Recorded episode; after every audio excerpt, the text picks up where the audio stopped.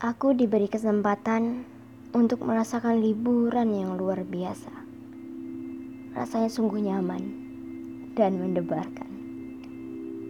Biasanya sih aku akan berusaha untuk menulis puisi, ya atau mengambil buku kecilku untuk menulis sesuatu. Tapi jangankan menulis. Saat itu mengabadikan momennya lewat ponsel pun aku enggan. Aku hanya ingin berkencan dengan alam.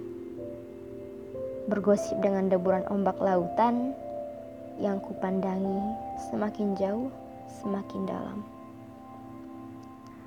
Pada hari itu, saat gelapnya malam meliputi diriku dengan bentangan selimut dari ufuk kiri ke ufuk kanan, sekitarku remang-remang.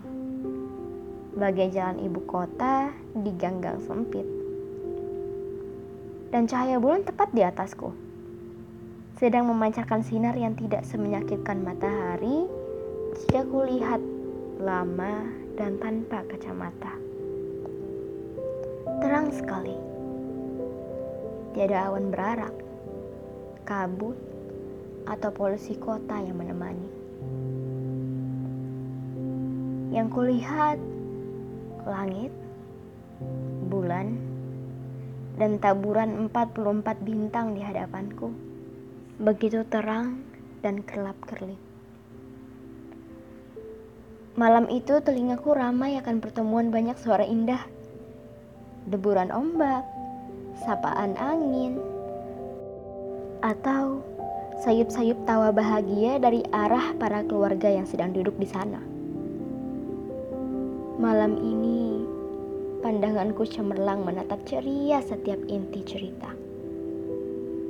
Mungkin hampir dua tahun lamanya aku tidak melihat bintang sejelas, sebanyak, dan dengan kondisi tenang saat itu. Warna biru lautan bercampur syahdu dalam riak. Yang semakin jauh akan semakin gelap dan tak terbaca. Tapi anehnya, aku terpana dan jatuh cinta. Ada begitu banyak buih di lautan yang kulihat. Berkunjung ke area pantai, dan setelahnya pun berlomba untuk kembali pada tempatnya memulai. Ia menerjang pasir, kemudian menyusut hilang.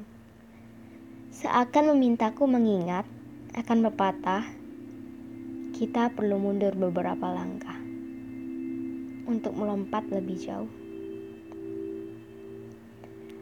Hmm. Sesekali angin bertiup sangat kencang. Seakan bisa merontokkan pikiranku yang berkecamuk. Yang entah mengapa saat itu aku menikmatinya. Oh, tidak bisa semudah itu wahai angin. Sapaanmu yang tidak teratur dan kurang ramah itu tidak membuatku bergidik ngeri. Justru aku sangat menikmati petualangan ini kok. Sate kulit ayam di tangan kananku dan tangan kiriku yang memegangi lutut yang sedang ditekuk. Serta isi kepalaku yang jalan-jalan sudah cukup banyak membuatku sibuk. Jadi, sapaan kurang ramah itu tidak berarti apa-apa untukku. Aku menggesekkan kakiku ke pasir secara perlahan, mempercayakan mereka untuk membuatku hangat.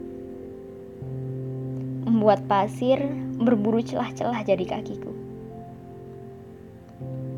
Kubiarkan mereka menyelinap, membuat geli di beberapa bagian. Tapi tidak apa, Aku menikmatinya.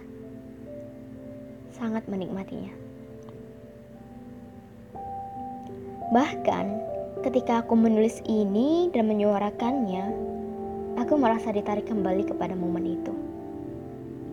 Ada begitu banyak bayang gelap ketika aku berdiri siang hari. Sekelumit pedih itu menyeruak bersama uap panas dari bumi karena sinar mentari. Tapi bersama malam aku tenang.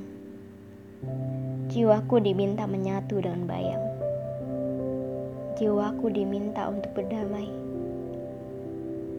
begitu mempesona. Bagaimana beban hidupku menyatu alami dalam keadaan badan kecil ini. Malam tidak memaksaku kuat atau membuatku jatuh terpental menabrak kenyataan. Oleh pencipta malam, aku dibiarkan tenang merasakan, tapi juga tidak dibiarkan untuk jatuh terlalu dalam.